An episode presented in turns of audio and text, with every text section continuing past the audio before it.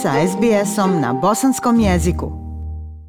Većina restorana istočne obale Australije i hiljade restorana u Novom Južnom Velsu koji su ušli u sedmu sedmicu lockdowna kao posljedicu imaju to da su gubici sektora ugostiteljstva dosegli skoro 2 milijarde dolara, a neki vlasnici restorana dosegli su prelomnu tačku da ih zatvore kako nam otkriva SBS-ov televizijski serijal Small Business Secrets. I feel very sad. Um, since I've joined Little Lagos, it's been part of my life. It's what I wake up in the morning to look forward to. Veoma sam tužna. Od kad sam se pridružila restoranu Little Lagos, to je dio mog života. To je ono na što pomislim čim se ujutru probudim da gledam šta ću raditi kad dođem na posao a činjenica da sada više neću raditi čini me tako tužnom. Kemi Fajemisin je među hiljadama ugostiteljskih radnika koji su odstupili sa dužnosti tokom posljednjeg zatvaranja u Novom Južnom Velsu. Ona sada pakuje zatvoreni Little Lagos, nigerijski restoran u užem dijelu Sidneja. I'm very emotional about um, and sad about seeing the business close down. This is the only job that I do Veoma sam emotivna i tužna što zatvaram posao. Ovo je jedini posao koji radim u ovom trenutku. Neću imati više čemu da se vratim. Majka troje djece počela je upravljati restoranom nakon što je prošle godine izbila pandemija. Ali vlasnik restorana, Adetokumbo Adeniji, kaže da je sada došlo do grla we could see the food traffic was starting to slow down. We could see consumer confidence was also dropping. People were canceling their bookings, their events, so we were refunding money to everyone. Mogli smo vidjeti kako je promet hrane počeo da opada. Vidjeli smo da se i povjerenje potrošača smanjuje. Ljudi su otkazivali svoje rezervacije, događaje, pa smo svima vraćali novac.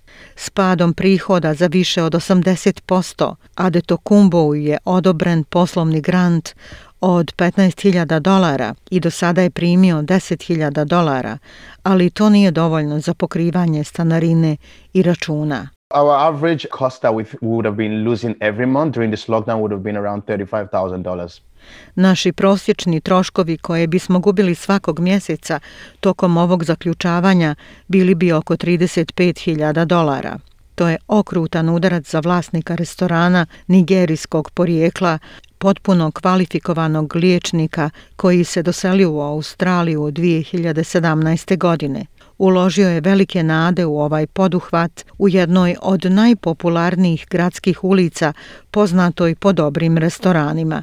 It's like one of those horror movies where, you know, the aliens have come and have taken everyone away. It's dead and it's sad to see. To je kao jedan od onih horor filmova u koji su, znate, došli vanzemaljci i odveli sve. Sada sve izgleda mrtvo i tužno je to vidjeti. SBS je prije nekoliko sedmica razgovarao i sa osnivačem francuskog restorana Davidom Bitonom.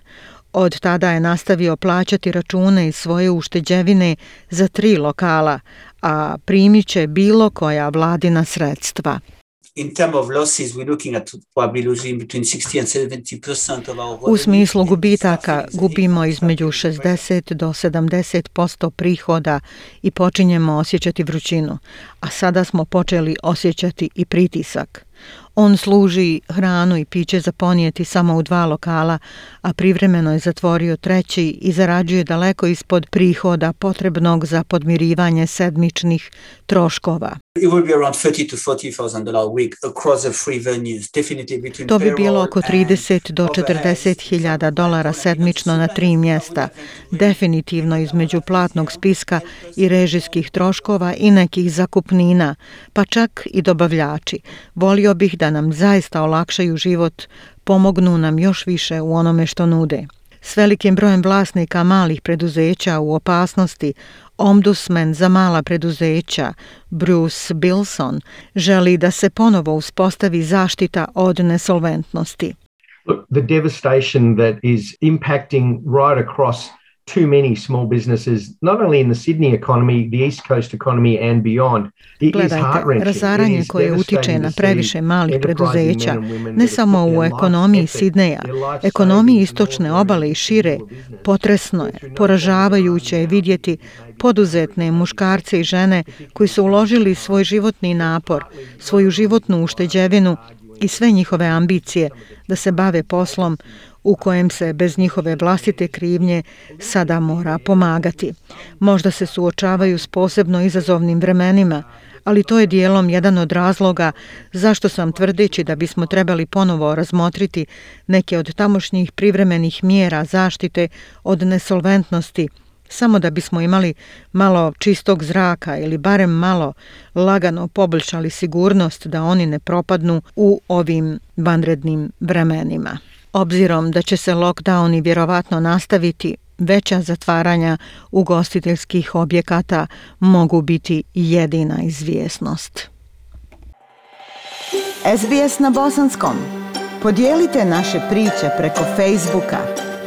Želite poslušati još ovakvih priča? Slušajte preko Apple podcasta, Google podcasta, Spotify ili kako god da primate svoje podcastove.